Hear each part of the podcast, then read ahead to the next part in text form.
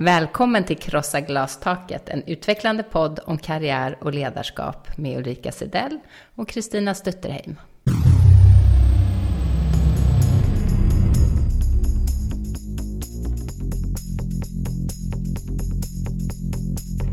Och kvinnor ska då vara något annat, gärna supportfunktioner. Men mycket är väl att, de här, att det är mycket dubbla måttstockar på hur kvinnor och män behandlas. Mm. Att välja chef är ju fantastiskt viktigt. Prostitution och advokattjänster, det är liksom de äldsta yrkena som heller inte har förändrats. Men jag möter ibland kvinnor som får höra att men det kan du inte och den här liksom kompetenshierarkin, den är så full av så mycket bojor. Kompromissa inte på din egen bekostnad. Du är allt du har. Det finns inget igår, inget imorgon. Det är allt samma dag. Janis Joplin. Hej Kristina. Hej Ulrika. Du är allt du har Ulrika. Jag är allt jag mm. har. Och det är inte mm. lite, det är inte. Nej, det är, nej. nej. om jag inte har jag, mm. vad har jag då? Vad har man då? Vi, gud, vi blir filosofiska innan vi knappt har börjat prata. kan vara att det beror på att vi har jobbat en lång dag och det är en sen kväll. Så kan det Eller? vara. Så kan det vara. Och Eller? ett väldigt inspirerande citat från Janis Joplin. Verkligen. Kompromissa inte på din egen bekostnad. Mm. Det tror jag vi är många som har gjort. Det tror jag också, mm. faktiskt. Mm. Ulrika, vad drömde du om att bli när du var liten? När jag var liten, ja, tror eller ej, men jag skulle bli författare. Mm -hmm. Och barnmorska faktiskt. I kombination? Det är oklart. Det är oklart. Mm. Mm. Men då har du i alla fall nått eh, hälften av dina, mm. dina mm. målambitioner. Mm. Men var det så att du kanske drömde om att bli eh, kulturflätare också? Det gjorde jag inte en enda gång faktiskt. Nej. Det kan vara så att det inte är så många som gör det. Men det borde vi kanske börja göra. Mm. Har du tänkt att bli kulturflätare? nu när jag vet vad kulturflätare är så har, tänker jag att jag absolut tänker på att jag vill bli kulturflätare. ja. Och kan du för oss andra som inte har förstått vad kulturflätare är berätta? Jag kommer återkomma till det lite längre fram, men man kan säga så här som en liten cliffhanger, att det är ett av framtidens eh, jobb. Mm. Så att eh, mm. lyssna sen noga, för mm. här kan det vara något. Mm. mm. Så lite det kommer vi till exempel prata om. Hur mm. rustar vi oss för framtidens jobb? Okej. Okay. Mm. Eh, vi ska också prata om en studie som eh, presenteras i Dagens Industri idag. Den visar nämligen att det är katastrof. Det är katastrof. Mm. Är det inom något särskilt område eller pratar vi generellt? Ja, hur ska jag säga? Jag skulle vilja hävda att det är generellt. Ja. Det handlar ändå om framtiden för Sverige. Ja. Och hur vi ska använda oss av våra kompetenser mm. som vi har i vårt land. Mm. Och hur eh, halva befolkningen ska kunna omsätta alla sina talanger i eh, företag. Mm. Mm. Då låter det som att det är katastrof mm. generellt. Mm, det är, mm. Ja, det skulle jag nog vilja hävda. Mm. mm. Så det ska vi prata om. Mm. Och Sen vi... har vi ett fantastiskt ja, möte. Det har vi. Ja. Med Nathalie Fahlén, ja. generalsekreterare på Institutet mot mutor. Och om jag hade fattat korrelationen mellan minskad korruption och mutor och jämställdhet. Mm. Ja, men då hade jag gett mig in i den här branschen Jag känner samma sak. Nathalie, som vi kommer att höra mer om, är jurist i, i botten. Eh, och jag gick ju en månad advokat. på jurist... Advokat. Jag gick ju en månad på juristlinjen. Mm. Vad kunde ha blivit? Du hade fortsatt om du Jag hade, hade fortsatt om jag hade mm. förstått. Vi blev helt uppfyllda av samtalet och allt vi lärde oss mm. när vi träffade Nathalie. Det tror vi att ni kommer bli också. Viktiga frågor. Vad var det du inte förstod, Kristina, när du hoppade av efter en månad? Vad jag inte förstod? Mm. Eh, att eh, man kunde jobba med sådana här spännande saker. Mm. Nej, jag tror det var nog... I, jag hade, hade, inte så många tankar då. Det var mer att jag ska nog göra... Jurist är nog inte mitt mitt yrke var helt enkelt det jag kände. Det var mm. väldigt mycket pluggande. Var inte riktigt redo för det just då. Eh, men eh, det kanske hade varit bra mm. om jag hade orkat hålla ut. Mm. Men det gjorde jag inte. Mm. Men det gjorde hon. Det gjorde hon mm. med råge. Mm. Men det återkommer vi till. det var, det var, ja, jag har verkligen tänkt på det vi fick lära oss eh, under det här mötet. Så det, jag ser fram emot att få sprida det. verkligen. Mm. Jag håller med. Eh, men du nämnde eh, att det hade kommit en ny undersökning och jag har också en eh, ny rapport mm. som spänner en eh, världsrapport mm. kan man säga. Mm. Ja. Och det handlar om att inget land i världen kommer nå FNs mål om jämlikhet mellan könen till 2030. Som en överraskning. Som en överraskning. Mm. Hade vi inte kunnat ana. Eh, dock är det så att det land som har kommit längst, inte helt förvånande, Danmark. Men så här var det, att för tre år sedan då antog 193 länder FNs resolution om global hållbar utveckling. Och det innehåller 17 olika mål och 169 delmål, så det här är rätt djuplodande och eh, brett. Syftet är att få en socialt, miljömässig och ekonomiskt hållbar utveckling samt att det ska råda jämlikhet mellan könen. So far, so good. Men det går ju sådär då med detta. I måndags presenterades det första globala indexet eh, över hur de här länderna har lyckats med jämställdhetsarbetet. Och de har tittat närmare på 129 länder av dessa. Och inte ett enda land som tillsammans representerar de här 129 länderna 2,8 miljarder kvinnor och flickor. Och inte ett enda land av detta eh, inte enda land av de som har undersökts då, eh, där har kvinnor och flickor samma rättigheter och möjligheter som män. Med bara 11 år kvar till 2030 så kommer inget land nå målet.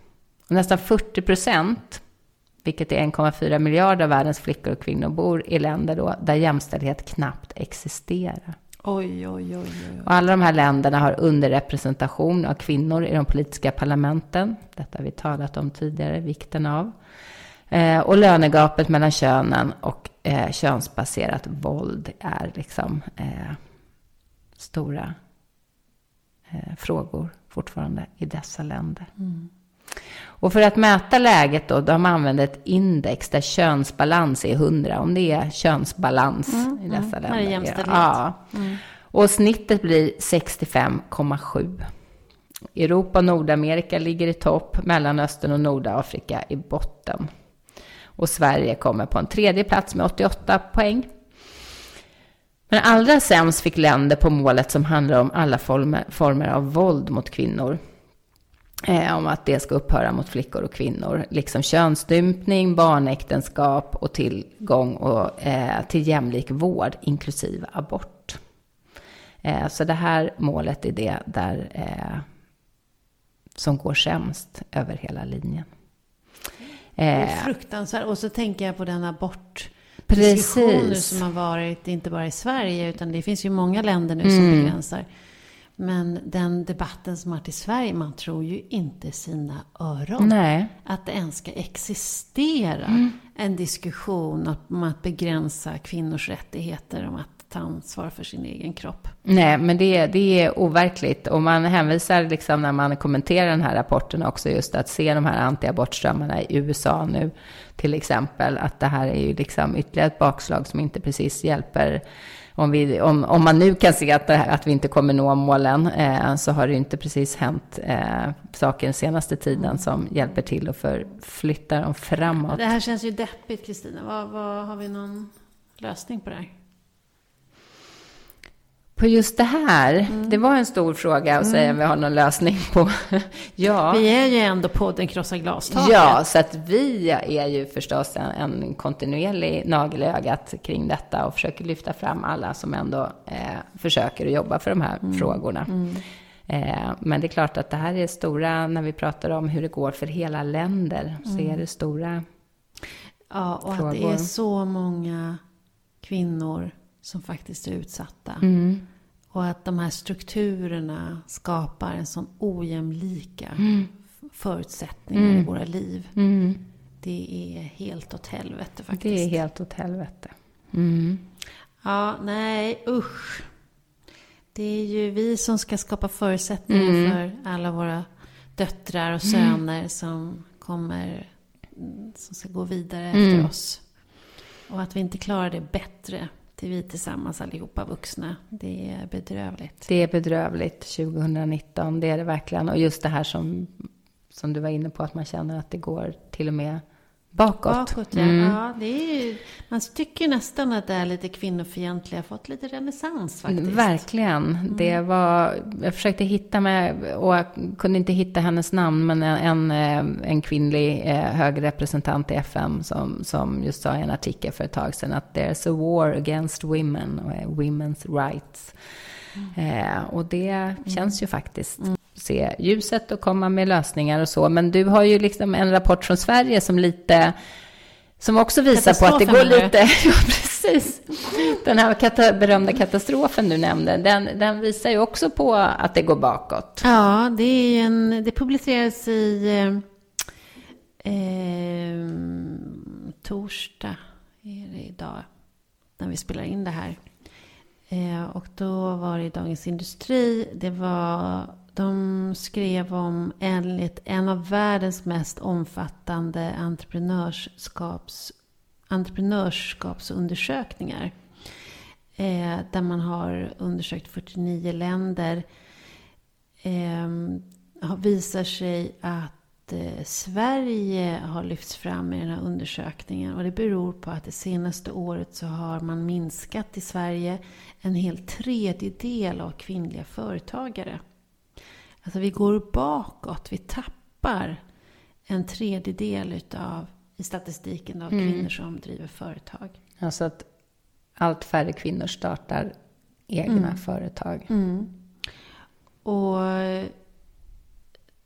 då förs det också ett resonemang, en analys kring vad det här kan bero på. Att vi har, Eh, det här gäller alltså mellan 2017 och 2018, så det är helt färska siffror. Eh, där kvinnors entreprenörskap föll med 2 procentenheter. Och det är 30 procent då. Och då pratar man i den här undersökningen om att det handlar om eh, diskussionen eh, som har varit i Sverige om, om eh, det här med väl, att man inte ska få ha vinst i välfärden. Att många kvinnors entreprenörskap är just i de eh, branscherna eh, som är skola, omsorg och, och vård och så. Det har man som förklaring i, i eh, Dagens Industri, i den analysen. Men jag skulle nog vilja hävda att den är mer, mycket mer komplex än så.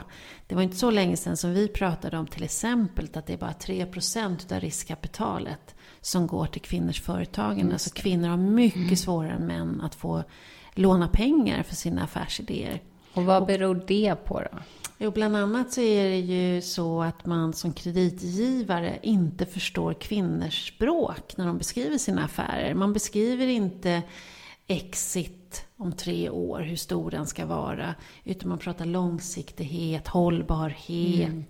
Man har ett annat språk och ett annat synsätt på, generellt då, på, på affärsidéer. Och man ser inte som kreditgivare, man ser inte pengarna i, i affären. Och ändå så visar statistiken att kvinnor går, eh, män går oftare i konkurs än vad kvinnor gör. Mm. Eh, och att eh, man pratade ju länge om att kvinnor är mindre riskbenägna än män. Och det är inte bra när man är entreprenör menar man. Man ska vara riskbenägen för att våga pröva och testa. Men det finns många studier som visar att det finns inget belägg för det. Men däremot är kvinnor mer kritiska de problematiserar lite mer. De problematiserar ett steg längre. De gör en tydligare plan. Mm. Finns det också undersökningar som visar. Så att jag tror att alltså för att kunna driva en affär så måste du få medel. De allra flesta i alla fall mm. måste få medel. Och det är ju ett glastak om mm. något. Så att jag tror att frågan är, och det här att man måste förstå kvinnors sätt att bygga affärer. Att det faktiskt skiljer sig uppenbarligen då generellt, det finns ju massor med undantag, men mm. generellt mm. mot vad männen gör. Mm. Så att jag tror inte man, man, eh, det är för många män som sitter mm. på stålarna helt mm. enkelt och som eh, beviljar eh, and, ja, mm. att, att gå in med medel. De förstår inte.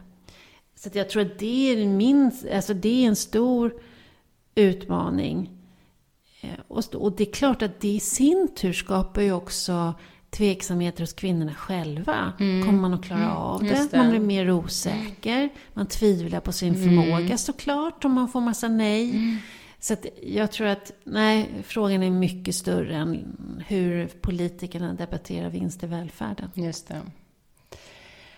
Och med tanke på det vi snart ska prata lite om, vad, vad som behövs i framtiden enligt framtidsforskare, då finns det med på listan att vi alltid ska vara beredda att starta eget. Mm. Att ha en startup i fickan. Vi ser det kan ju i USA lite svårt tjänste, mm. allt fler tjänstemän blir egna företagare mm. och lånar ut sin kompetens. Och att det finns eh, då tydliga tecken på att vi åker åt samma mm. håll. Och hur ska det då gå? Nej, men precis.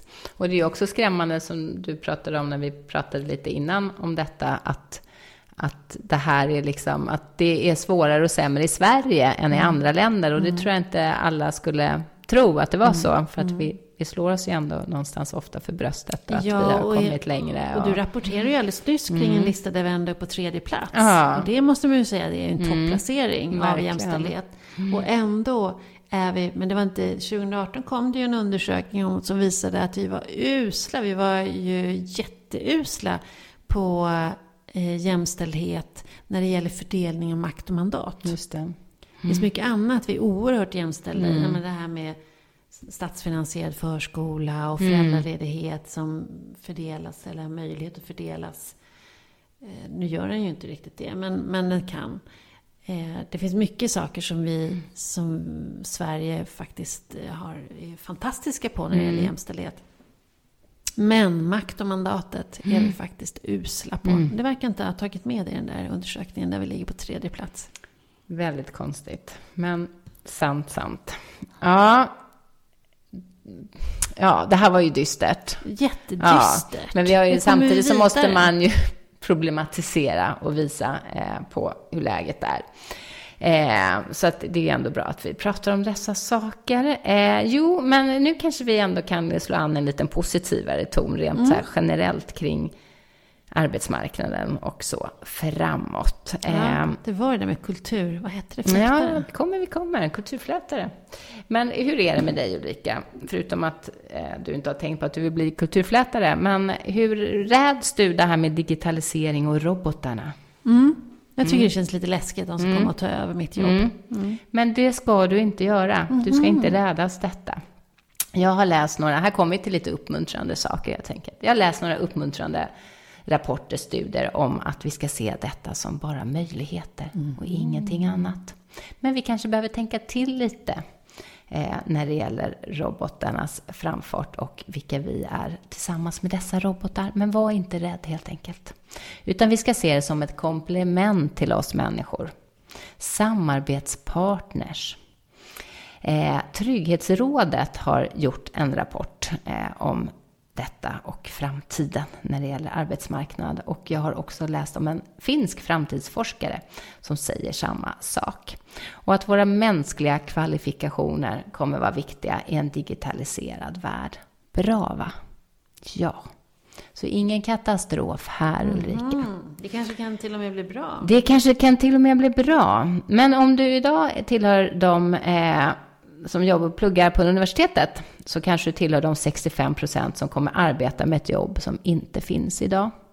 Och 85 procent av de jobb som kommer att finnas 2030 existerar mm. inte idag. Oj, oj, oj, oj. Ja. Trygghetsrådet har spanat framåt för att sia om jobb som kan tänkas behövas. Och som tur är så menar man att det finns förmågor som inte går att lära ut, som empati, kreativitet, samarbetsförmåga och innovation. Sånt som ju redan idag är liksom högt på kartan av mm. vad vi både som ledare och överhuvudtaget som medarbetare eh, behöver. Att empati till exempel är ju verkligen en, en prioriterad förmåga mm. eh, och kompetens. Men du, en, mm. alltså, när du säger så här att innovation och kreativitet mm. är så viktigt. Jag tänker på de här kvinnorna som inte startar företag fast mm. de har talanger och förmågor. Mm. Alltså man blir inte så kreativ om man är osäker. Nej, det stämmer bra det. Mm. Man behöver och, någon som tror på en om man ska släppa är det, verkligen. Och då kan man väl säga att eh, även om det sen kommer ett råd att man ska vara beredd att starta eget så är det inte det som är utgångspunkten här, utan det tar ju hur rustar vi oss för arbetslivet. Eh, mm. så. Eh, och Alltså allt sånt här som empati och kreativitet kommer eh, vara viktigt framåt. Eh, så att den mänskliga kunskapen kommer vara värd att betala för. Mm. Eh, och sånt som drar, som man säger, åt det lite filosofiska hållet. Yes. Eh, som präst, psykolog, lärare menar man att det, det kommer fortsatt behövas. Mm. Filosoferna då? Ja, men eh, det nämns inte specifikt. Men mm. om vi säger att det ändå är åt det lite filosofiska hållet, mm. så tror jag det. För hur mm. ska en robot liksom filosofera? Mm. Eh, det är kanske inte det som man vi främst... Behöver tänka det, vi behöver tänka det. Mm. Eh, och empati menar man specifikt kommer att vara en av de viktigaste fördelarna gentemot robotarna. Och för företag kommer det bli viktigt att visa att man har ett, liksom ett högre syfte för att kunna locka de unga, eller som man säger här, jobba, ja, jobba, locka de unga eh, eh, till sig som arbetskraft. Och de unga kommer inte heller vilja jobba för ett företag där etik och klimat är något man fuskar med. Så det är också, den kontexten är förstås viktig. Man säger också att anställningsformer och arbetsplatser kommer att se annorlunda ut. Men viktigast av allt för att vi ska vara relevanta på framtidens arbetsmarknad är vår förmåga att hela tiden utveckla och lära nytt. Och inte då i så här att ja, men om två år så ska jag eh, ta ett år och eh, gå en utbildning till. Utan det här måste pågå ständigt menar man. Det är en färskvara och vi måste lära medan vi jobbar. Och kanske kommer det vara liksom de viktigaste konkurrensfördelarna. Eh, för utvecklingen går så fort. Men, Hur ska du göra nu då för att öka din kreativitet och för, för att kunna bli en sån här kultur... Flättare? Ja. Mm. Eh, jo, Hur det kommer... Liksom? Ja, en del som man pratar om här i båda de här, både den finska framtidsforskaren och i, i, eh, i Trygghetsrådets undersökningar, det är det här att hela tiden tänka framåt. Mm. Att göra sin roadmap framåt och mm. inte bara liksom fokusera på vad jag har gjort, vad kan jag, utan faktiskt planera framåt. Och det kommer komma, precis, vad jag vill och vad jag kan bidra med framåt och så.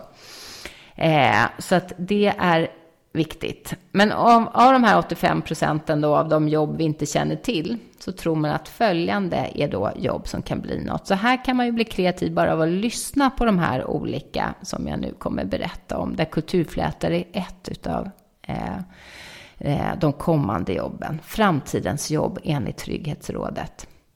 Distansare. Och då är det tack vare etableringen av AR och VR kan ännu fler yrken utföras på distans. Till exempel tekniker och montörer. Gig manager. Allt fler blir egenföretagare. Hmm. Apropå vad vi nyss pratade om. Nyss pratade om. Och frilansare. En gig manager hjälper till att hantera det praktiska och det mentala. Man kan bli robotpersonlighetsdesigner. Robotarna på arbetsplatserna kommer behöva personligheter som passar in på arbetsplatsen och med de mänskliga kollegorna. Så robotpersonlighetsdesigner skulle kunna vara något Ulrika. Och här kommer nu kulturflätaren också. Den hjälper till att utveckla kulturen på arbetsplatserna, både utifrån lönsamhet och medarbetarnas bästa. Klimatrevisor analyserar och redovisar företags hållbarhetssatsningar, tar fram klimatekonomiska strategier. Eh, och den kan man ju liksom lättare förstå än kanske nästa. Vertikalodlare. Vet du vad det innebär Ulrika? Ingen aning. Jo, förstår du. Framtidens bonde som arbetar väldigt lokalt, klimatsmart och tar fram råvaror med hjälp av teknologin. Så man kanske då inte bara är en typ av bonde utan det kommer vara följa eh, Eh, det lokala, det klimatet och så vidare på ett annat sätt än idag. Ja, etikutvecklare hjälper företag att identifiera och kommunicera sitt högre samhällsförbättrande syfte. Apropå att det kommer bara att vara viktigt. Bara kommunicera, inte göra. Jag Identifiera. På som inte får mm. några stålar. Nej, det har man väl inte riktigt eh, mm. hittat fram mm. i här. Då. Mm. Men eh, det kan vi väl säga, ni som nu tänker, åh, jag ska bli etikutvecklare. Mm. Tänk då lite djupare Tänk att det ska detta. omsättas också. Ja, inte bara identifiera och Nej, kommunicera. Och inte bara kommunicera. Nej. Det är så lätt att det blir en väldigt vacker retorik och en väldigt förödande praktik. Mm. Men det här jobbet tycker jag som kommer nu låter helt underbart om man bara tänker på vad det heter. Molnvakt. Vill man inte vara en molnvakt? Men jag tror inte att det är ett jobb för kanske dig eller mig. Säkerställa att känslig data hanteras korrekt och behålls säkert. Känns det kanske inte, inte där vi kommer. Nej, till. eller Nej. till mig. Men vad säger du om att bli DNA-coach? Hjälper att tolka hälsovärden och ta fram individanpassade tränings och kostupplägg för att förebygga sjukdomar och hälsoproblem. Och sen den sista, det är kanske här vi kommer finna vår plats. Oldfluencer. Inspirerad till mer aktiv och social livsstil även under pensionen genom sociala medier och mötesplatser. Men fasiken Kristina, mm. är inte det vår grej? Jag tror det. Oldfluencer ja. Eh, är det vi kommer bli. Mitt eh, mål. Det ja. skriva det. Det skulle vara jätteroligt. Ja, när du gör din roadmap ja. så är det Oldfluencer. Mm. Men med tanke på allt det här ovan då, hur ska man planera sin karriär? Mm. Hur ska man då tänka framåt? Jo, det vet Kari Kaivo Oja. Han är forskningschef och professor vid Finlands eh, Future Research Center i Åbo handelshögskola. Han säger också att han verkligen tror på människans kreativitet. Det är där vi har en chans att uppfinna nya jobbtillfällen och inte passiviseras av det här med digitaliseringen. Och han menar att dagens unga, eller som han kallar dem för, dagens hipster, tänker alldeles för lite på vad automatiseringen i arbetslivet innebär och menar att kreativitet och kritiskt tänkande är de två enskilt viktigaste aktiviteterna för morgondagens arbetsmarknad. Glöm gymmet, säger han, träna hjärnan istället. Jag vet inte om jag håller med. Jag kan, jag kan inte se någon jättestor efterfrågan på kritiskt tänkande. Nej, men den kommer. Den kommer. Mm. Eh, här kommer några tips att vi kan frodas sida vid sida. Jo, men man säger, jag menar ändå så här, jag håller helt med att vi ser en brist på det, men han menar ju att det inte, att det bör inte vara det, för det är så himla viktigt. Jo, men det är Eller, många som... Så det får vi ändå skriva under på. Men här kommer några tips så att vi kan frodas, som han säger, sida vid sida med robotarna och inte trampas ner. Eh, och det här gäller nog oss alla, inte bara hipsters, utan oavsett ålder. Och då ska vi tänka på att undvika allt för smal kompetens.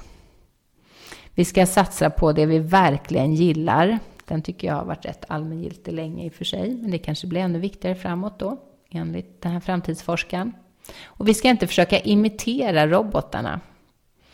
Man måste utveckla och vidareutveckla sin portfolio, det mm. vi pratar om, hela tiden vara aktuell och jobba med sin egen utveckling. Eh, ja, och lägga tid på att vara kreativ och innovativ. Lättare sagt än gjort kanske. Och man behöver ta reda på vad digitaliseringen verkligen betyder för just mig utifrån då det jobb jag har idag eller tänker mig att jag ska ha. Och tro inte att du är färdiglärd när du lämnar din utbildning. Och se dig som en världsmedborgare. Hela världen är din spelplan. Och sen kommer det här som vi varit inne på då på plats nio. Var alltid redo att starta eget. Men som vi har sagt, då behövs det lite förutsättningar för det. Så att det ska gälla oss alla. Eh, och presentera dig med en roadmap. Vart du är på väg snarare än vad du har varit. Fast vi vet ju faktiskt det, om vi ska prata gender här, mm. att eh, det finns många studier som visar att vi generellt sett bedömer män utifrån sin framtidsplan. Mm. Alltså deras ambitioner framåt. deras potential, vad ja. kan bli. Mm. Medan kvinnor bedömer vi utifrån vad de har mm. gjort. Så att vi kanske har lite olika roadmap mm. beroende på vilket kön vi har. Så kan det vara, så kan det vara. Tyvärr. Mm. Men det är en viktig, det är, det är en härlig tanke. Att ja. börja träna sin skalle och tänka, vad gör jag om tio år? Nej men Hur precis, absolut. Mm. Eh, och det tror jag är som sagt oavsett eh, då om ja, det blir det verktyget när du träffar rekryterare och söker jobb, men för dig själv mm. att liksom ha den Ett tydliga mindset. benen. Ja. Mm. Sen är vi ju många som har ändrat oss många gånger. Så det stämmer Man har en plan, men det blir ja. aldrig som man har tänkt Nej, sig. Och med tanke på eh, vad då framtidsforskaren här och Trygghetsrådet säger så är det ju också att vi planerar ju för något vi inte vet mm. som kommer vara. Mm. Eh, så att då är det väl kanske det här att ändå gå, försöka gå till sig själv. Vad är det man, ja vad får man lust av och mm. vad vill man framåt? Och mm. sen om man då kommer eh, plötsligt stå inför jobbet som eh, kulturflätare. Det, det, vet man ju inte idag. Men så Får kanske man veta vad en kulturflätare är för något? Men det har jag ju berättat för dig. Oj, Lyssnade du inte när jag, jag gjorde det? Jag tyckte jag lyssnade jättekoncentrerat. Ja, men då får jag ju ta det här en gång till. Eh, för jag tycker att det låter som ett jätteroligt jobb. Eh, och kultur... Jag tror det var molnvakt vi skulle vara. Ja, det lät ju också jättehärligt. Men kulturflätare hjälper till att utveckla kulturen på arbetsplatserna, både utifrån lönsamhet och medarbetarnas bästa. Då skulle jag vilja hävda att jag är en kulturflätare. Ja, Eh, jo, men det är det absolut. Men det som också finns i det här och som faktiskt en hel del företag har idag, fast det inte kallas för kulturflätor ännu, det är ju just alltså att företagen i sig som anställ, man kan anställas som eh, att ha denna mm. roll. Mm. Eh, och det är ju lite, det skulle jag gärna, tycker jag låter Jag vill gärna skriva kulturflätor på min... Ja, men du kan ju göra det. Du lite. flätar ju som sjutton. men du, vi, vi, mm. Eh, vi ska träffa faktiskt en fantastisk person. Det ska vi. Nu möter vi Nathalie Fahlén. På hennes kontor i Stockholm. Mm.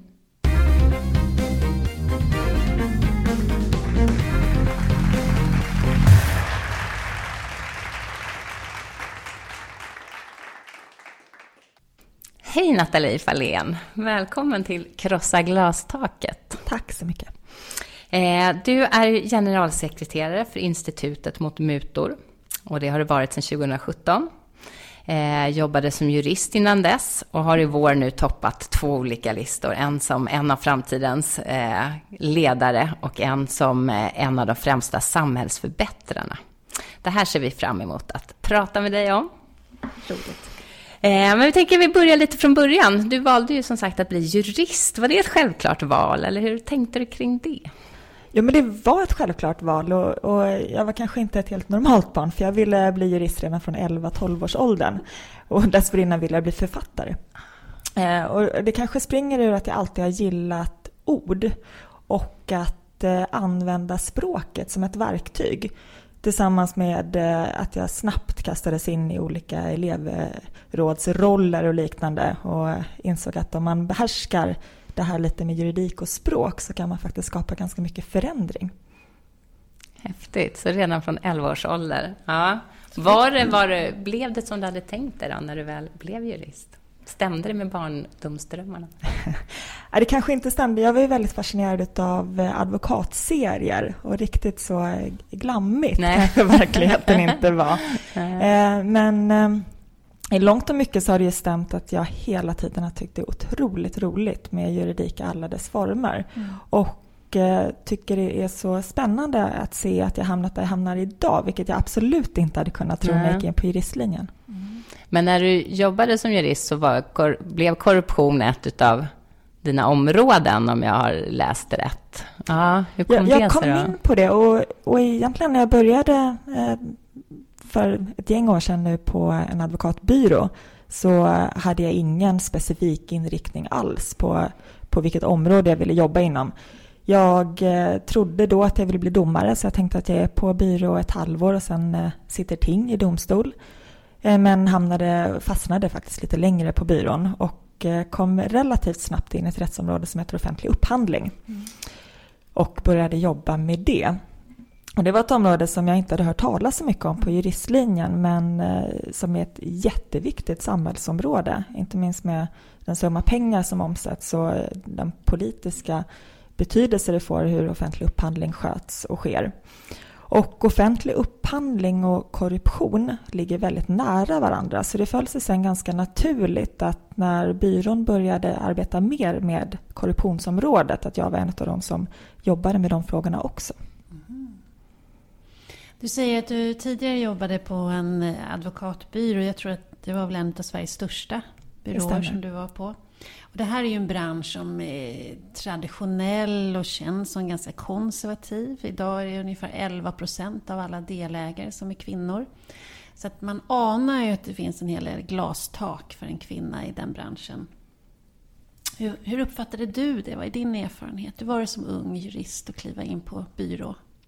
Som ung jurist så tänkte jag faktiskt inte så mycket på det utan de tankarna kom mer och mer ju, ju längre åren gick och ju mer aktuellt det blev att själv fundera över vilka nästa steg man ville ta inom, inom advokatbranschen eh, och när funderingar kom om man ska satsa vidare och bli delägare. Mm.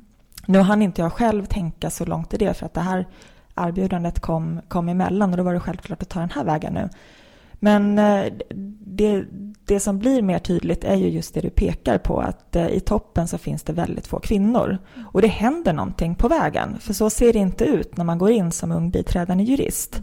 Och eh, det som händer mest som jag såg det var när, när jurister börjar komma upp i barnåldern. Mm. Och när de kvinnliga juristerna framförallt fick sitt första barn. Mm. Mm. Och där någonstans så börjar kvinnorna hoppa av. Vad var din reflektion när du såg det? Min reflektion är att eh, man har misslyckats med att skapa en eh, arbetsmiljö där eh, både män och kvinnor kan, kan utvecklas. Man har misslyckats att skapa en, en miljö, tror jag, där det är lika accepterat för män att vara borta och vara pappaledig som det är för kvinnor. Och att Fånga upp viljan på att jobba på ett annat, mer hållbart sätt när ens familjesituation och livssituation förändras. Mm. Eh, det var i samband med metoo så samlades ju också kvinnliga jurister under Med vilken rätt? Eh, och jag tror att det var över 12 000 eh, kvinnor och över 4 000 vittnesmål om sexuella trakasserier. När det här dundrade ut i samhällsdebatten. Vad var din reflektion och första tanke? Jag var inte förvånad och jag vet att när första uppropet kom så sa jag det till, till min man att det kommer snart fler. Mm. Och det trodde inte han. Mm. Och jag sa att jo, det kommer snart fler och jag tror att det kommer snart bland annat i min bransch. Och eh, det gjorde det ju, så att eh, ingen förvåning. Mm. Däremot en, en glädje i den kraft som finns när man mobiliserar så mycket röster. Mm. Och eh, jag vill tro att det här är bland det bästa som, som har hänt för mm. många branscher. Mm. Samtidigt så, eh, så vill jag nog också säga att, att eh, till viss del tycker jag debatten blev lite skev. Där det, där det mer blev fokus på personutpekningar än på det stora problemet. Så jag hoppas att vi kommer fortsätta diskutera den stora frågan. Mm. mm. Eh, efter sju år då på advokatbyrån så var det dags för nya äventyr och du, eh, som du sa, fick erbjudandet att bli generalsekreterare för IEM. Var det ett självklart val att tacka ja? Ja, det var det. Mm. Eh, och frågan, frågan dök upp. Det var en ganska lång rekryteringsprocess mm. under, under hösten 2016. Så det började med att jag fick frågan om jag ville vara med i den här rekryteringsprocessen. Och jag hade såklart hört talas om, om institutet och eh, tyckte att det här med att vara generalsekreterare verkar vara en himla spännande roll. Jag hade aldrig trott att jag skulle få, få frågan eller komma i närheten av den rollen. Men som en liten kuriosa, så jag tror något år innan så hade jag faktiskt googlat hur blir man generalsekreterare på, på IMM. Är det sant? Ja, det är faktiskt sant. Eh, så det är lite... Så du hade siktet inställt? Ja, fast inte så medvetet. Nej. Inte så medvetet. Och eh, i takt med att den här rekryteringsprocessen fortlöpte och jag förstod mer om vad IMM är och eh, vilka möjligheter och utmaningar det finns att ta sig an den här typen av roll, desto mer taggad blev jag och kände att jag måste få det här jobbet. Och det fick du? Och det fick jag. Ja, härligt. Men du kan väl berätta lite mer om IMM. Vad är ert uppdrag? Vad, vad gör ni? Vårt uppdrag är att motverka korruption och öka tilliten i samhället. Och IMM är en ideell organisation, en ideell näringslivsorganisation finansierad huvudsakligen av Svenskt Näringsliv, Sveriges kommuner och landsting och Stockholms handelskammare tillsammans med fyra andra branschorganisationer. Sveriges Byggindustrier, Svensk Handel, Läkemedelsindustriföreningen och Svenska Bankföreningen. Och det vi gör för att eh, jobba mot korruption är framför allt att bidra med information och kunskapsspridning på olika sätt och ta fram konkreta verktyg så att man ska undvika korruptionsrisker och veta hur man faktiskt ska agera i de många situationer som inte är så lätt att hantera. Vi har också en egen kod, en näringslivskod som ger väldigt handfast eh, vägledning om hur man ska hantera förmåner och har också hjälpt till och tagit fram branschspecifika koder i vissa riskutsatta branscher. Bygg och anläggningssektorn och vård och omsorg. Och är det eh, på initiativ av er eller kommer det ofta då från själva branschen och branschföreningen, behovet av det här med koder och den hjälpen? det är en blandning, mm. men eh, behovet och förfrågan efterfrågan mm. måste komma från branschen för att det mm. ska bli bra så att man ska kunna mm. göra den här samlingen. Mm. Man tänker ju gärna och lite naivt att Sverige är rätt fritt från korruption och mutor och så är det förstås inte. Du kan väl berätta lite hur, hur ser det ut och är, har vi några, har det svenska samhället några särskilda svaga punkter som utmärker den här problematiken här? Hur ser det ut? när man pratar om korruption så måste man börja med att ställa sig frågan vad är det vi pratar om mm. egentligen? Och korruption är inte ett juridiskt definierat begrepp. Man kan leta sig blå i vår lagbok mm. efter ordet, kommer inte hitta det där. Men en vanlig definition av korruption är att man missbrukar sin makt för att skapa personliga fördelar eller fördelar för personer i ens närhet. En del av korruptionsbegreppet är mutor och mutbrott. Och det är den delen som vi enklast eh, kan mäta, även om vi har trubbiga mätverktyg där också. För att korruption är också viktigt att veta är förenat med ett väldigt stort mörkertal. Mm. Men tittar man på Sverige och korruption, börjar med bemärkelsen mutbrott, mm. så är vi lågkorrupta. I en internationell jämförelse så är Sverige regelmässigt bland de bästa i klassen. Senaste korruptionsperceptionsmätningen av Transparency International som är en av de största hamnade vi på tredje plats. Mm. Men det här är liksom ett område där det inte räcker att vara bäst i klassen eller bland de bästa i klassen. Och Eh, det innebär inte att vi saknar korruptionsproblematik i Sverige. Den ser bara lite annorlunda ut om man jämför i det stora internationella spektrat. Vi har inte någon större problem med mutor eller att man inte får tillgång till grundläggande tjänster om man inte mutar sig fram. Men vi har lite mer svenska korruptionsproblem skulle jag säga som handlar mycket om vänskapskorruption, eh, nätverk, hur eh, olika tjänstetillsättningar sker och hur man tar sig fram i samhället. Och den typen av korruptionsproblematik har vi nog varit lite dåliga på att både prata om och se här hemma. Och när det blir aktuellt, det var inte så länge sedan vi var en av våra myndigheter där man diskuterade om man hade informerat eh, delar av ledningen inför ett eh, case. N när sånt händer, kliver ni in då och utbildar? Eller den rollen har inte ni? Ni jobbar förebyggande, eller hur ser det ut? Det blir en kombination. Vi jobbar ju förebyggande, men eh, ofta så vill man ha oss, eller lyssna mer på oss när någonting har hänt. Mm. Och eh, det finns en eh, som heter Gissur Erlingsson som forskar kring bland annat eh, antikorruption.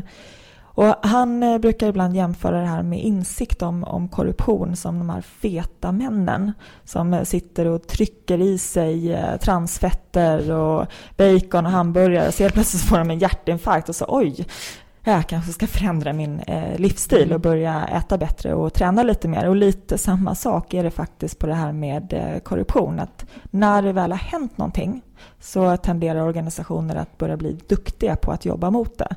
Så att vi blir mer efterfrågade när det sker en, en skandal. Mm.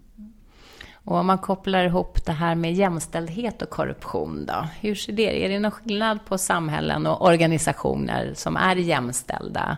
Minskar korruptionen då, eller vad, vad ser man för kopplingar där? Det, är, det finns ett komplicerat svar på frågan, mm. men kortsvaret är ja. Mm. Det finns eh, kopplingar mellan jämställdhet och korruption. Och Eh, mycket forskning pekar på att en av de saker som faktiskt fungerar mot korruption, som man ska veta är ett svårlöst problem när det finns på större strukturell nivå, det är just jämställdhet. Och man har hittat tydliga kopplingar mellan jämställdhet och fler kvinnor i beslutande för församlingar och låga korruptionsnivåer. Och vi ser också den, den, statistik som vi vet över den svenska mutbrottslingen. Det är inte en kvinna, det är, det är en 50-årig man. Mm. Och det är, det är genomgående om man går tillbaka tio år i tiden. Sen kan man resonera vad det här beror på. Det finns, finns olika teorier kring det. Men, men man kan se att jämställdhet är en bra medicin. Mm. Vad spännande. Kan du säga någonting om teorin? Som, varför är just det män som blir mutade och mutar? Som sagt, eh, de varierar. Några teorier har fokuserat på att kvinnor skulle vara mindre riskbenägna än män till exempel. Mm. Den teorin har kritiserats från flera olika mm. håll. Eh, en annan teori har pekat på att det är främst män som sitter i de åtråvärda positionerna där man vill muta till sig, mm. muta till sig fördelar. Och det kan ju förklara vissa strukturer. Eh, andra teorier pekar på att de frågor som kvinnor driver är mer, eh, de, de, är till fördel för att främja låga korruptionsnivåer. Till exempel inom politiken, att man satsar på sociala reformer och liknande som gynnar ett mindre korrupt samhälle. Men också att strukturer i många samhällen eh, ser ut som så att det finns ganska mycket av de här Old Boys Network. Mm. Mm. Och eh, kvinnor är de som tjänar mest på att bryta dem och inte arbeta så mycket med nepotism och vänskapskorruption i, i arbetet utan hitta mer meritokratiska mm. mm. verktyg. Mm. mm. Så det, det, är några förklaringsmodeller. Mm. Jätteintressant, ja. verkligen. Jag läste en undersökning om att korrelationen mellan välmående i ett land och demokrati är inte alls lika hög som mellan välmående och tillit. Mm. Och där, då inte, där man då litar på tjänstemän och litar på staten, att det inte finns korruption och, och mutor. Eh, vad tänker du om det? Eh, hur, hur, vad behöver vi bli bättre på i Sverige eh, utifrån att skapa ökad tillit, att människor litar på vårt samhälle? Jag tror att det första vi, vi måste bli bättre på är att verkligen förstå den kopplingen och förstå hur otroligt viktigt det är att vi bevarar den höga tillit vi faktiskt har i samhället. Och eh, tillit eh, kallas ibland för Nordens guld. Mm. Och det sätter ju lite fingret på vad det är vi har här i Sverige som är så attraktivt och åtråvärt. Och det, det är precis som du säger att korruption kan sammanlänkas med i princip allt det som man tycker är dåligt i ett samhälle. Och motsatsvis, en låg grad av korruption kan sammanlänkas med allt vi tycker är eftersträvansvärt och bra. God hälsa, god utbildning, men till och med som du säger någon form av allmän happiness. Mm. Och med, med det i åtanke så får vi inte inte luta oss tillbaka och bli bekväma och tänka att nej men vi är så bra här i Sverige, här sker saker rätt och riktigt. Utan vi måste hela tiden vara vaksamma på vilka risker vi faktiskt har, vilka nya risker som kommer och kommer komma och eh, ha ett eh, aktivt arbete och stå på tårna. Mm. Mm. Jag bara tänkte på det här med Nordens guld. Är det övriga nordiska länder som också toppar den här listan där vi, Sverige ligger trea? Ja. Mm, det är det. Det är övriga nordiska länder. Västeuropa, Nordamerika, mm. Australien, Singapore som mm. generellt sett alltid hamnar i toppen. Mm. Och när du säger att vi måste stå på tå här, det här är ingenting, det här måste man erövra hela tiden. Det är ingenting, har vi, är vi bra så kan vi luta oss tillbaka, utan det här behöver vi jobba med. Vad, är det något speciellt som vi behöver titta på i vårt samhälle om vi tittar lite meta eh, som mm. är centralt för att öka eller bibehålla tilliten mm. till systemet? Vi måste alltid ifrågasätta hur eh, strukturer och processer och beslut fattas och sker. Eh, Eh, alla organisationer eh, måste bli bättre på att titta i sin egen organisation och se vilka risker finns det här? Vilka vänskapsband finns det mellan våra anställda och leverantörer som ett väldigt praktiskt exempel? Eh, hur utformas offentliga upphandlingar så att de varken blir snedvridna mot en viss leverantör eller uppfattas bli snedvridna mot en viss leverantör? Eh, diskuteras eh, och diskuterar vi hur man kan representera och använda förmåner och vad som händer när man agerar på ett visst sätt i, i en säljprocess till exempel. Mm. Den typen av frågeställningar måste man väcka hela tiden. Mm. Sen handlar det mycket om ett, ett kulturbyggande mm. där man eh, måste fundera kring vad, hur, hur ser vi till att vi har hög integritet mm. eh, och är etiska och vad är etik? Och det här är inga enkla begrepp och det är inga konstanta begrepp. Eh, vad som är etiskt idag kanske inte är etiskt imorgon. Eh, så det här är en diskussion som måste föras hela tiden om igen. Sen eh, så, så en, en, annan del är ju att de största korruptionsriskerna kommer, ju tillbaka hela tiden till relationer väldigt mycket. Hur fattas beslut? Hur agerar man i olika former av relationer? Och relationer är ju väldigt svåra. Mm. Eh, och i relationer så skapas mycket gråzoner mm. som inte passar in alltid i förhållande till ett policypapper som blir väldigt svart eller vitt. Och även av den anledningen så måste man hela tiden testa de regler och riktlinjer man antar mot verkligheten och vad som händer i den. Jätteintressant, mm. verkligen. Om, eh, hur, hur härligt det är att ha en skön kultur på arbetsplatsen där man känner varandra och man eh, umgås privat och sådär. Men hur svårt det sen kan vara att säga nej och sätta stopp mm. och faktiskt anmäla någon. Att det har ju direkt påverkan med, med hur vi bygger relationer etiskt. Och på, och på det temat så kan man säga att ett område där vi inte är så duktiga i Sverige det är att premiera de som säger ifrån. Mm. Visselblåsarna. Visselblåsarna, de råkar typiskt sett illa ut. Och jag ska undvika att teoretisera allt för mycket men, men, vi har ju ganska mycket av en konsensuskultur mm. där den som eh, säger till eller säger ifrån eller, eller går utanför gruppen lätt blir obekväm. Och det här är inte alls bra ur ett antikorruptionsperspektiv där det är så otroligt viktigt att värna de som faktiskt vågar säga till och säga ifrån. Och också mot bakgrund av den forskning som finns som visar på att alla former av korruption Eh, upptäcks i de flesta fall genom just visselblåsare och inte kontroller i efterhand till exempel. Mm. Eh, jag eh, har djupdykt i mansforskning för jag håller på att skriva en bok om om eh, hur man gör upp med machokultur och hur män kan förändra, i det här fallet just män. Och då eh, har jag gjort också ett antal intervjuer och det som återkommande är att män, man anser, män då som jag träffat, anser att män är för anpassningsbara. Man inordnar sig för snabbt i hierarkin och Aha. lyssnar på chefen. Därför att gör man inte det, då får man inte vara med. Eh, så att jag tänker den här som du hänvisade till tidigare med att det framförallt är män som blir utsatta och som mutar kan ju bero på att det är män där. Mm. Men kanske också för att det finns en speciell kultur män emellan i näringslivet och ju högre upp man kommer. Jättespännande. Eh, jag läste någonstans att du har sagt att arbetet med korruption är en viktig hållbarhetsfråga. Mm. Kan du utveckla det lite? Mm. Om man, om man går tillbaka till, till vad eh, korruption egentligen innebär så innebär ju att korruption att man förstör det band som håller samman samhällen och organisationer, nämligen tilliten. Och vad händer när tilliten förstörs i organisationer eller samhällen? Jo, allting annat havererar. Eh, slutar man lita på våra myndigheter så kommer man inte heller göra det som myndigheterna säger att man ska göra. Så att på det sättet så vittrar samhällen sönder när de genomsyras av korruption och det kan vi också se världen över. En annan aspekt i, i eh, hållbarhetsdelen det är de enorma kostnader i rent monetära termer som korruption medför. Eh, siffror från Världsbanken och OECD antyder att ungefär 2,6 biljoner dollar på årsbasis går förlorat i korruption och ytterligare en biljon dollar i uteblivna skatteintäkter.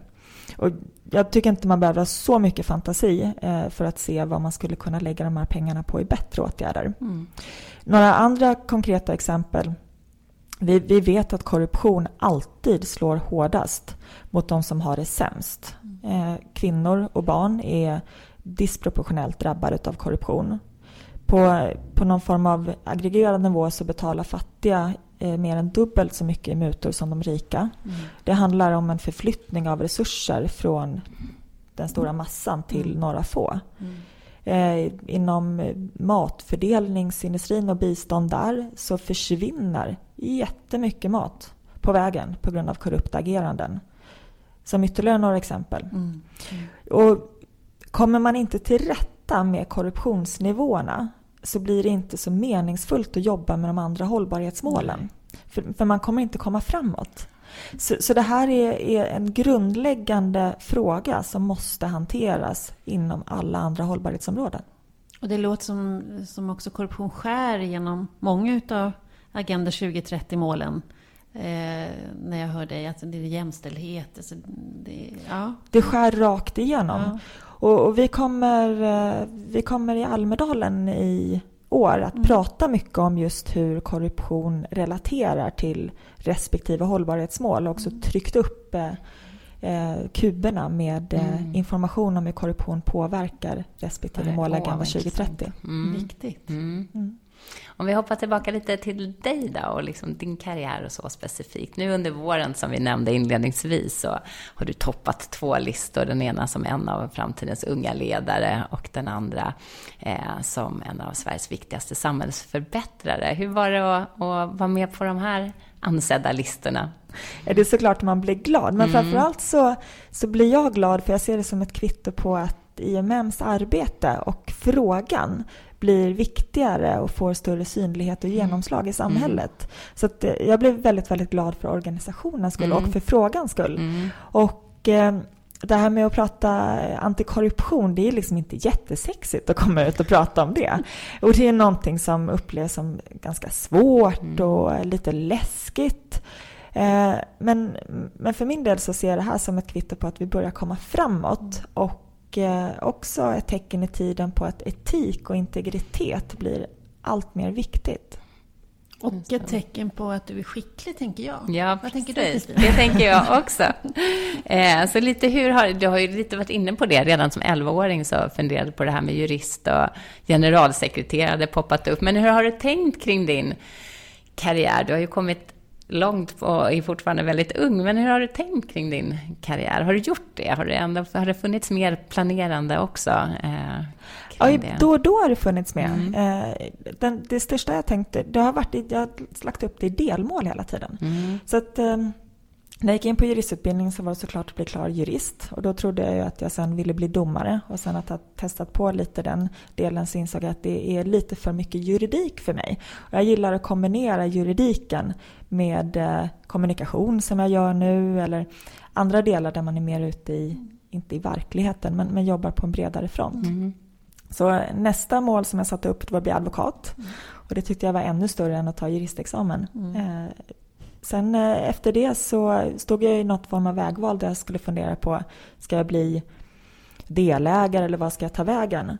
Och där någonstans så stod jag väl och funderade men, men eh, hade lite tankar på att det här även med ledarskap och en chefsroll skulle vara intressant. Mm. Det var väl kanske där också eh, någon form av tanke kring generalsekreterarroll kom in.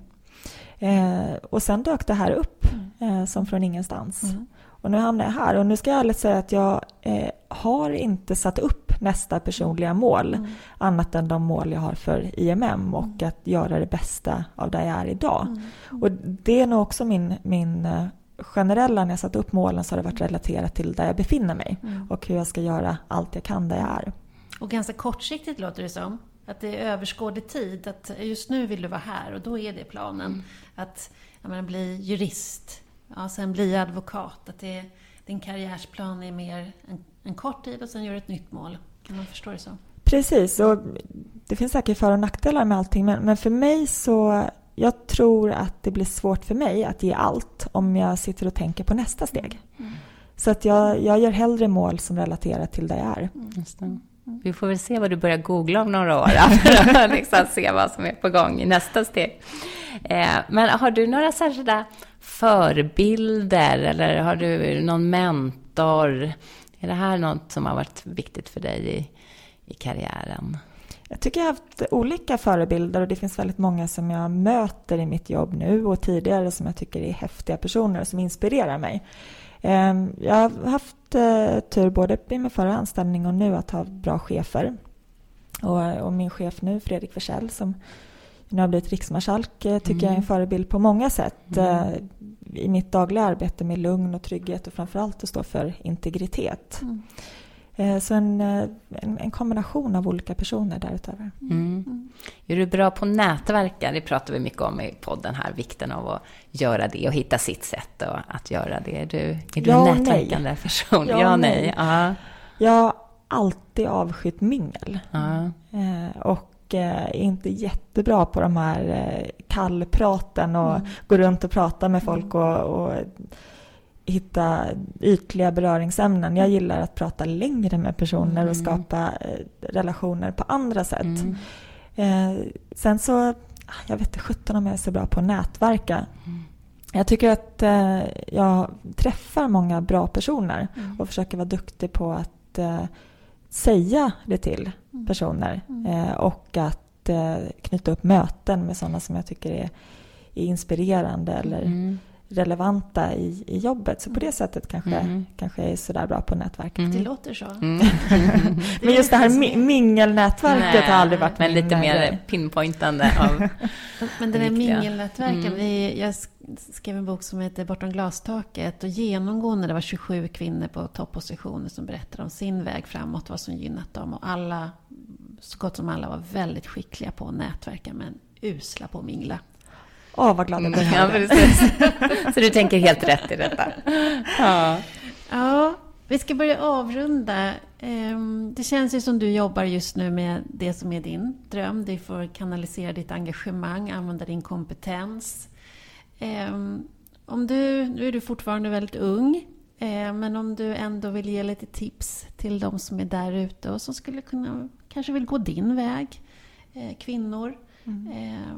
Hur gör man för att krossa glastak och ta sig fram även i, i konservativa branscher? Mm. Vad är viktigt? Jag tror att det är viktigt att eh, alltid göra sitt bästa och eh, ha det som måttstock. Att jag är nöjd med min insats och skapa den tryggheten i sig själv. Mm. Eh, jag tror också att det är viktigt att se till att man har bra chefer. Mm. Eh, och har man inte det så ska man nog söka sig någon annanstans mm. så att man inte står och kämpar för länge i motvind. Mm. Eh, och att man är nyfiken och eh, försöker se till att man har roligt. Och allt är inte kul, mm. men jag tror att med, med nyfikenhet och att försöka hitta glädjen i det man gör utifrån det stora och veta var man är på väg så kan man nog få det mesta att bli kul. Mm. Mm. Så det skulle nog vara mina tips. Det var väldigt roligt att få komma hit. Och Verkligen, och få höra mer om denna viktiga institution som vi kanske är rätt många som inte känner till så jättemycket om. Men nu gör vi det. Mm. Tack. Tack så hemskt mycket. Mm. Ja, Ulrika, vilket eh, lärorikt samtal. Mm. Och att det fanns så mycket samband mellan korruption mm. och tillit, mm. trygghet i ett samhälle, mm. men också jämställdhet. jämställdhet. Och att, eh, att vår korruption handlar om vänskapskorruption. Och hur många gånger har man inte fått höra att jobb får man inte via annons, utan jobb får man via kontakter i mm. Sverige. Och det bekräftade ju verkligen mm. Håll, fast på ett negativt sätt. Eh, så det är ju verkligen någonting som alla borde tänka till kring. Mm. Att det här när man... Eh, ja, är det så himla bra att, det är, att kontakter är så centralt i vårt arbetsliv? Verkligen. Sen, sen är det ju så, det är ett bekymmer de här männen. Mm. Det är ju uppenbart. Det återkommer ju. Eh, mm. Vilken vinkel vi än har på de här olika frågorna.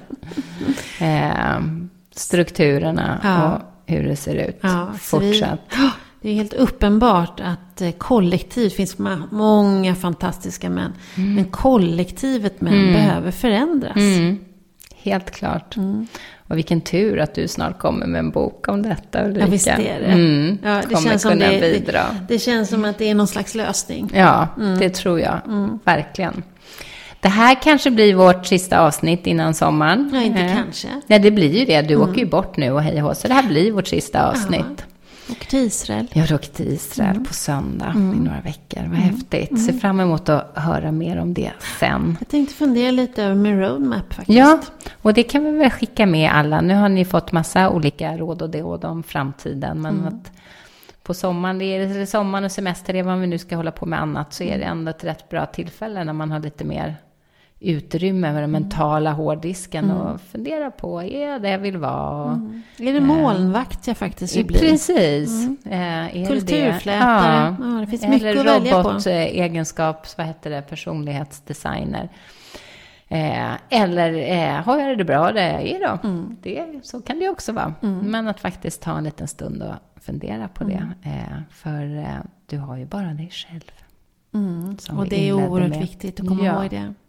Det finns bara en som tar ansvar för ditt liv i huvudsak. Det stämmer. Det känns som att vi börjar lite för filosofiskt och vi slutar lite filosofiskt. Ja, det finns bara en säga... av dig och det är du. det finns vi... bara två av oss och det är vi. Men eh, vi kan väl säga något bara. Vi har ju fantastiska intervjupersoner efter sommaren som ja, vi möter. verkligen. Eh, och det ska bli otroligt spännande. Vi är inne lite grann på Svenska Akademin. Mm -hmm. Och vi är, träffar den högsta andliga ledaren ja. i Sverige. Det kan bli bra för oss Ulrika. Mm. Mm. Mm.